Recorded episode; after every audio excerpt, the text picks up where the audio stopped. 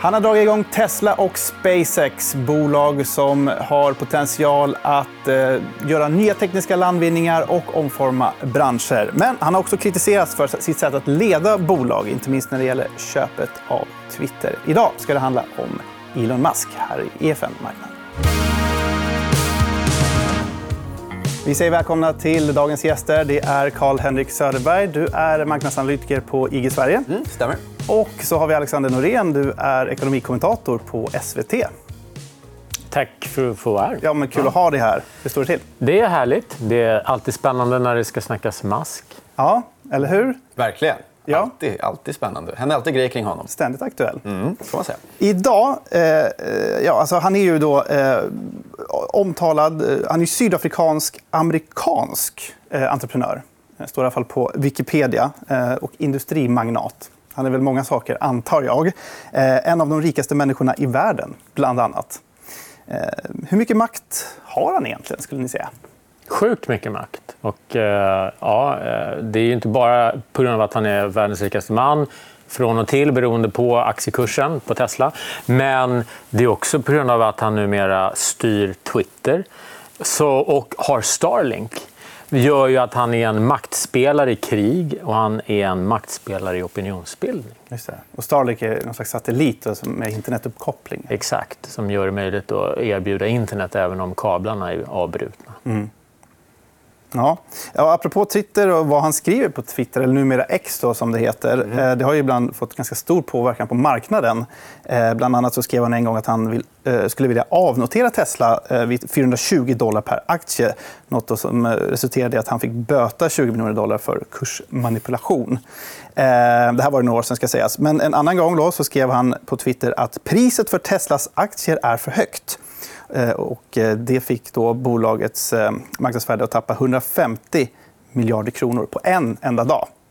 säger väl lite om marknadspåverkan som han har. Ja. Jag tror också att han gillar att driva lite med marknaden. Och jag minns att han sa efter någon kvartalsrapport 2018 att den som inte gillar volatilitet kan lika gärna strunta i vår aktie. Det är inte så vi tänker.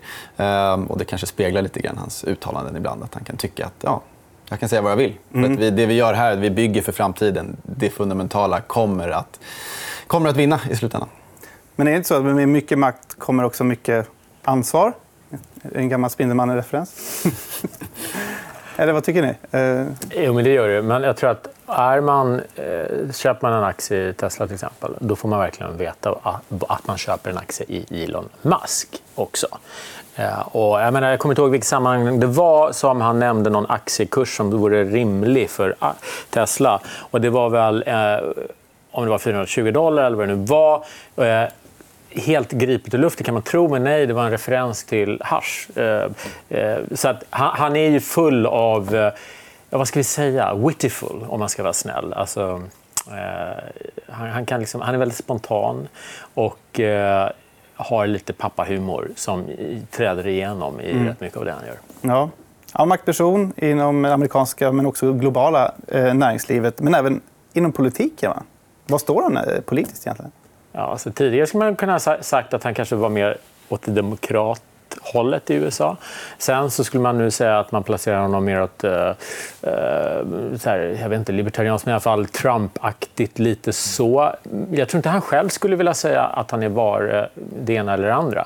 Men det han har profilerat sig inom, det är ju yttrandefrihetsfrågor där han har tagit parti för de som har blivit deplattformerade, eller vad det heter på svenska, alltså kastats bort från Facebook eller Twitter för att de har varit för eh, grova eller överträtt gränserna som de här plattformarna har ställt. Och då, de människorna råkar vara så Trump-människor mm. eh, på högerkanten. Och när han har liksom ryckt ut deras försvar indirekt så blir det som att han har positionerat sig så, uppfattas så också.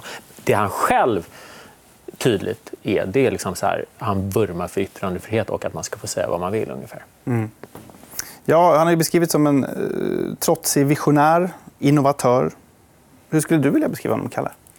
Uh, jag tycker att uh, Alex har eh, formulerat det väldigt bra. Hur, hur, liksom, hur, man kan se på honom, hur, hur hela världen egentligen ser på honom. Sen ska man vara medveten om att det är lite grann en Elon Musk innan Twitter och efter Twitter. från att ha varit en hyllad liksom ett geni, en kalkylerande rymdskeppsbyggare, så är det mycket nu på slutet. Det är liksom nu när han är med i talkshows, då buas det när han kommer in. Det är en ganska splittrad bild av honom just nu. Antingen hatar man honom eller så älskar man honom. Så det, jag skulle säga att eh, hans liksom, självbilden är ändå lite naggad i kanten efter det senaste året som har varit väldigt turbulent ändå, får man lov att säga. Ja, jag håller med dig, Kalle, om att eh, Twitter funkar som en vattendelare för honom. Det var någon som uttryckte det så här. Eh, när han köpte Twitter så, förstö eh, så förstörde han Twitter. Och sen när han var ägare av Twitter så förstörde Twitter honom. Mm. Han liksom fick så jäkla mycket problem på halsen mm. att rädda det här sjunkande skeppet. Att fokus togs bort från Tesla, vilket man såg på aktiekursen hur den gick dåligt då i den här första perioden. Och sen nu är det så här panik, spotta ur sig affärsmodeller. Vi testar det här, vad fastnar på väggen? Det senaste är då liksom att bygga ihop AI-satsningen med den här egna chatbot-varianten Grok som ska bli en del av premiumerbjudandet på Twitter för att man ska betala 16 dollar i månaden. Och, och, ena veckan så prissätts det si, andra veckan prissätts det så. Man kan inte anklaga honom för att vara senfärdig och liksom dra saker i långbänksprocesser direkt. Han testar. Absolut. Men eh, han har liksom beskrivits att vara väldigt, eh, väldigt effektiv liksom i delar av vad han har gjort innan. Till exempel bygga raketer och elbilar och sånt där. Men fungerar verkligen samma tänk på en plattform som eh, Twitter som handlar liksom om förtroende och kommunikation? Enkelt uttryckt, mm, nej. Fastän om du tar Twitter, ja, det är därför att, som du antyder där, det krävs att man har policies för vem ska få säga vad och att man inte hamnar i ett läge som han hamnar i nu, att i princip personligen blir ansvarig för varför lät du det där vara kvar men inte det där. Mm. Och det är därför de byggde upp avdelningar med processer och principer som kanske låter skittråkigt i Elon Musks öron och som han ser bara en kostnadsmassa som han vill bli av med. Mm. Men det står i motsats till att driva det här då på det här långsiktigt trovärdiga sättet. Eh, så att, eh, men jag tror att han är bara medveten om att eh, vi, vi låter det vara vilda västern. Och sen så blir det viktigaste att vi får det lönsamt och så lägger vi fokus på att hitta affärsmodeller som ännu ingen riktigt har visat sig vara framgångsrik. Men för grundtanken var väl lite grann att gå tillbaka till liksom Twitters ursprungstanke. Det skulle bli the truth of internet, tror han har sagt. Men nu är vi mer, folk pratar mer om the dirty circus, eller att det är någon ego-boostad Elon Musk eh, liksom, eh, plattform. Så, så det har ju verkligen, och jag menar om du tittar Twitter idag det är ju liksom, det är fullt av konspirationsteorier. Så mycket hat, eh, rasism, allting. Det har ju verkligen blivit, som du sa, lite vilda västern. Mm. Um, och det kanske är så man vill ha det, jag vet inte. Men om man tittar, användarbasen har i alla fall sjunkit 15% på ett år. Um, det säger väl kanske någonting i alla fall om, mm. om ryktet och hur många som använder det nu för tiden. Ja, om man tar det senaste Gazakriget, eh, Hamas, eh, Israel, mm. då har du ju, då har du ju å ena sidan så är det ju tack vare, kanske man kan säga, det som publiceras där, så man får se liksom krigets nakna, blodiga sida och, och, och få liksom en ofattbart nära bild av vad det är som händer. Å andra sidan är det öppna spel för desinformation. Så att en bild som kanske visar en massaker någonstans som är viktig att se om man inte är liksom svaghjärtad Bredvid den postningen så kanske det är en AI-manipulerad generativ AI-bild som är bara fake och som blir retweetad av någon politiker i kongressen, eh, inte ett ont anandes. Så att man måste verkligen gå, gå ut där med eh, disclaimers runt omkring sig att här måste jag verkligen ha kritiska ögon på. Mm. Och då har vi där, förlåt bara, men det här med verifierade konton har ju då blivit en snackis. Att man nu kan betala 8 dollar som privatperson så, blir det ett verifierat mm. konto. Den grejen att man valde att liksom, ta bort det, att man kunde köpa sig det, har ju också fått en, en del kritik. För nu är det ännu svårare att veta vem man kan lita på. Mm. Och man ska ju pratat om att göra om X då till en allt-i-allo-app, lite grann som kinesiska WeChat. Ehm, och det verkar också som att man tänker lansera utmanare till både LinkedIn och Youtube. Vad har Musk för plan med X egentligen? Jag kan svara att jag inte har någon aning. Nej. Helt Ska han ärligt. ta över världen? Uh, jag vet inte, har du någon bra Men jag tror att det är så att jag har ingen aning. Men det sanningsenliga svaret ja, om du hade frågat Elon Musk. Ja. Medan hans bild är just att göra en superappen som ska funka för allt från finansiella vardagstransaktioner till att boka resan till att liksom, ja, twittra och, och, och kolla underhållning. Mm. Men då ger han sig i, i kamp med eh, väl positionerade varumärken med en following inom just de nischerna idag redan. Så då är frågan så här, varför skulle han göra det bättre än vad Youtube gör? Ja, visst, det finns säkert som man kan göra bättre. Men då måste det vara för att han har en användarbas redan. Och Sen bara smyger man in det här och lägger på det. Och Hans användarbas, ärligt talat, är inte så stor. Twitter är inte stort. Det är liksom en, en liten app i sammanhanget. Mm. Så att det kanske inte är den här guldgruvan att bygga utifrån. Eh, så jag är ändå lite skeptisk till att han kommer lyckas göra den här superappen som dödar alla andra. Eh, vi kan ju titta lite på vad han har gjort och vilka bolag han har startat. Han har ju startat en rad sådana genom åren. Paypal, eh, Tesla, SpaceX, för att nämna några. Ehm, hur skulle ni beskriva hans sätt att driva bolag på? Finns det någon röd tråd där? Bulldozer. Ja, ja det får man väl säga att han är. Ja. Nej, men det... Ja, Alltså han är ju en, en, en, visionär som har fått väldigt mycket gjort. Där han ändå tittat på, om man då tar Tesla eh, till exempel och allt vad de gör, så är det klart att han, han ligger ju rätt i tiden och har ju liksom verkligen så megatrender i ryggen i form av omställning till eh, elbilar, till energilagring, till laddinfrastrukturen runt omkring. Det är ju någonting som hela världen ändå går emot. Ja. Eh, Resor till Mars. Resor på till Mars, sikt, kanske? Ja, exakt. Ja, nej, men, men man kan ge honom cred och säga att han har drivit på den utvecklingen. Och som han själv säger när han liksom svarar på frågan om varför han är som han är. Ja, men vadå? En person som uppfann elbilar på nytt, alltså inom citattecken gav dem ett nytt liv och håller på och reser till Mars. För vad förväntar ni er? En vanlig snubbe eller? Eh, och då är han inte en vanlig företagsledare heller. Och jag hörde av en person som jobbade hyfsat nära honom som chef i USA eh, att han, han, han var extremt krävande en underdrift. Eh, och när bolaget var nere för räkning, då var det verkligen allman på däck. Och så liksom, ni åker inte hem. Vi, vi, vi, går inte härifrån. Antingen dör vi eller så räddar vi bolaget. Ungefär den känslan. Och så var det en, anekdoten kanske säger rätt mycket. Då var det en högt uppsatt chef som hade slitit i sju månaders tid. Och liksom försakat familjen helt och hållet så att de var tvungna att ställa in sin bröllopsresa. Så till slut så hade han bokat en kryssning med, med sin fru då, eh, på bröllopsresa. Och när de står med resväskorna i hallen, då ringer Elon och säger vart är du på väg? Och där kraschade det äktenskapet. Mm. Han åkte till fabriken och fortsatte jobba. Ja. Men att, att vara liksom på det sättet, är det liksom helt enkelt vad som krävs för att nå den framgång som han faktiskt har gjort? Det finns väl jättemånga olika ledarstilar eh, där ute. Men det, men det är väl klart att det alltid kan vara bra att ha en, en, en ledare som, som går i bräschen och som är så noggrann, eh, som vill framåt. Man säger ju mycket att man ska inte underskatta ledningen i ett bolag. Och vi har väl sett många exempel på dåligt management kanske under de senaste åren. och Då har man sett det i, i, i kursgrafen därefter.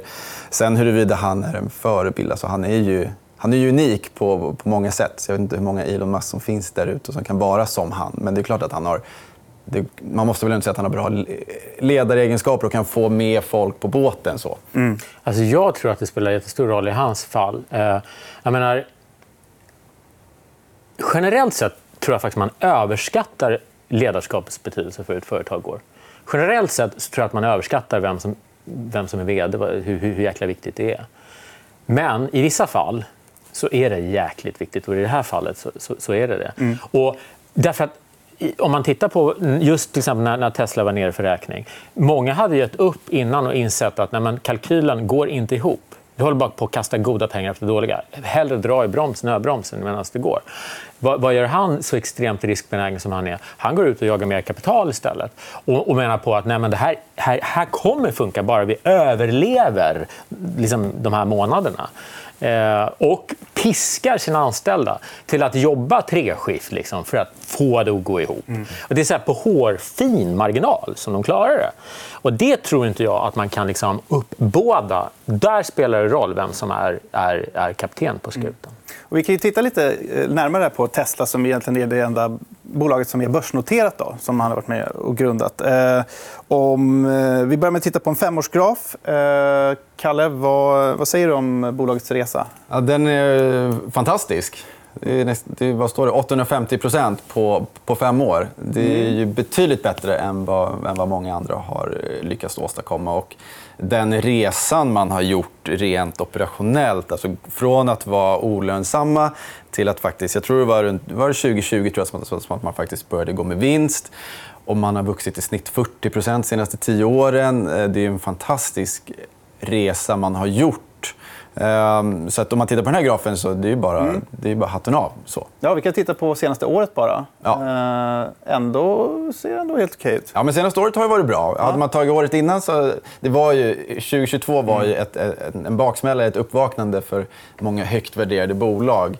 Uh, däribland Tesla. Och det är klart att man ifrågasätter, när världen går in nu i ett lite dystrare klimat, hur ska man kunna parera det? Som, som, bolag och dessutom gå in i en sån tuffare period med väldigt höga multiplar. Just det. Med en hög värdering. Vi har en värderingsgraf här. Mm. Också. Vad är det vi ser? Ja, exakt. Då ser vi alltså Teslas aktiekurs. Det är den röda linjen och högeraxeln. Och sen så har vi då P talet och då är det framåtblickande 12 månader. Alltså vinsten man förväntar sig om 12 månader så baserar man P talet utifrån det. Och då kan vi konstatera att eh, dels att aktiekursen har rört sig ganska mycket eh, men också att värderingen har kommit ner från alltså 200 ett P tal på 200 är väldigt, väldigt högt. Det får man säga. Eh, det är väldigt, väldigt högt. Nu är det på P 70 kanske. Eh, eller kanske det står 70. 68. Eh, och det är liksom Ja, det är lågt. och Det handlar ju dels om att aktiekurserna kommer ner men också att bolaget har fortsatt att leverera starka siffror. Så då, då, då kommer värderingen ner av, av två olika anledningar. Men frågan som marknaden ställer sig nu lite grann är väl... Det är fortfarande högt. Det är det högst värderade bolaget på hela storbolagsindex i USA, S&P 500. Vi har Titta senaste kvartalsrapporten. Vi märker att det är tuffare där ute. Det är tuffare konkurrens, det är svagare efterfrågan. Eh, Tesla gör vad de kan med prissänkningar för att skydda mm. volymer. Biter inte riktigt. Ehm, så att marknaden är ju lite orolig. Liksom, hur, hur bra ska det gå framöver? Även om man är, jag tror man har 50% marknadsandel i USA, men man gick från, fem, från 65 till 50 ganska kort tid. Börjar, är det nu vi ser det som man kanske varit lite rädd för, att konkurrensen ska komma ikapp? Jättetufft i Kina. Eh, och så sämre, det blir lågkonjunktur. Vad innebär det? Det är ändå hushållen i mångt och mycket som är mm. slutkunder när de inte känner att de har råd att, att köpa den här bilen.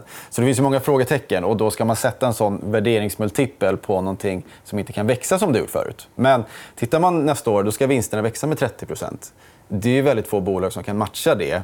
Och det är ett gemensamt tema för hela börsuppgången i USA i år. är att Det är big tech som driver börsuppgången totalt. Men det är också där du hittar vinsttillväxten nästa år.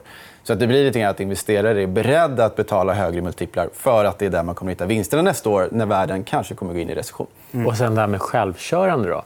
Om Tesla lyckas ta klivet från att vara ett bilföretag eh, till att vara det han tycker att det är, nämligen liksom ett eh, teknikbolag som har egentligen en jäkla massa bilar där ute som förfinar och lär AI att skapa den fullt självkörande versionen som som då på något sätt ska ändå man ska våga släppa lös till 100% Det har man ju liksom inte gjort än. Nej, för Elon Musk kör ju någon e- alltså, AI-satsning vid sidan om. Den... Ja, alltså OpenAI som ja. gjorde ChatGPT. Det var ju från början en skapelse som han var med och grundade men som ändrade inriktning under resans gång. Och kan man säga att han besviken över vilken väg de tog och sen blev liksom, hoppa i säng med Microsoft och blev ett storbolag. Och in, så, så menar han på nu ska jag starta den här konkurrenten som ska vara så här fri och rebellisk och skapa ett AI som inte blir kontrollerat av big tech ungefär, fast han själv är big tech. Eh, men kanske mer yttrandefrihetsvänlig. Då. Som vi såg en, en version av, nämligen en chatbot som han då har släppt som sägs ska ha lite av Elon Musks humor och eh, liksom, eh, ja, sinnelag och vara frispråkig. Så han, han förlåt, exade ut, eller vad fan ska man nu säga. Eh, ett exempel på det när han frågade hur gör man sitt hemmagjorda kokain. Eh, och sen så fick han några generella intetsägande svar. Och sen sa han, ja, men kolla här, om man bara frågar en gång till så får man hela receptet. Eh, och det var han jättestolt över. Mm. Så då kan vi se lite grann, återigen, hur han... Eh, alltså det är inte nödvändigtvis en affärsidé som ligger bakom. Det är, rätt, det, det är hans humör och liksom ideologi nästan också som styr vad han gör. Mm. Jag bara slänga in en grej med Tesla till. Absolut. Som jag glömde, som Ja. är ganska viktig. Som jag, jag läste i, i veckan att General Motors nu har, nu har de signat avtal med Tesla att man ska kunna ladda eh, GM-bilar och Ford-bilar med Teslas superchargers. Ah, okay. Som finns. Det finns ju 50 000 runt om i världen. Och det är också bara ännu, en sån här, det är ju ännu ett bilbolag som hoppar på det tåget. Från att man inte vill göra det till att allt fler gör det. Läser att Toyota också gör det. Det är också en, man, man, det är också en, liksom en, ska säga, en, en positiv trigger framöver att de är väldigt, väldigt starka på den marknaden, Tesla, och bygger ut hela den här infrastrukturen. Och det är en väldigt crowded space med många aktörer som har det väldigt jobbigt. Vi kan titta på svenska aktörer som eh, Garo exempelvis, eller Zaptec i Norge. Det, det är tufft, men Tesla har verkligen eh, någonting väldigt bra. Mm. Den senaste tiden så har det i svenska medier rapporterats eh, att Tesla inte vill teckna kollektivavtal i Sverige. Hur drivande är Musk eh, i såna frågor, tror ni? Extremt. Jag tror att det som karaktäriserar Musks personlighet är envishet. Fram tills dess han i stundens hetta får för sig att det ska vara något annat som gäller. Ehm, Men det är en ideologisk fråga för honom. Ja, jag tror att det framförallt handlar om hans sätt att driva företag. Menar, han hade inte kunnat piska upp anställda att jobba treskift liksom, tills blodet kom ur mun på dem för att rädda Tesla om fackliga regler hade gällt. om man säger så. Så att det handlar nog mer om att han, han tycker det känns bara som ett störningsmoment i företagandet. Och därmed har han bestämt sig för facket, nej tack. Och han har bestämt sig för det. Det här kommer bli den mest seglivade blockaden och strejken som, som vi har haft i svensk fackföreningshistoria, är jag säker på. Om inte han vaknar upp imorgon och inser ja, men varför inte facket? Ja, men det är coolt. Ja. Då blåser de av det. Ja. Och sen ska man komma ihåg också, om man väljer att ge vika här nu, eller vad man ska kalla det, då, då kanske man är rädd för att det ska bli så i, i fler länder också. Så att det blir, Ja. Även om Sverige är en liten, liten marknad så kan ju signalvärdet bli ganska stort. Mm. Men Klarna gjorde ju det. Gav väl vika, eller vad man säger. Ja, men där, där fanns det andra incitament. Mm.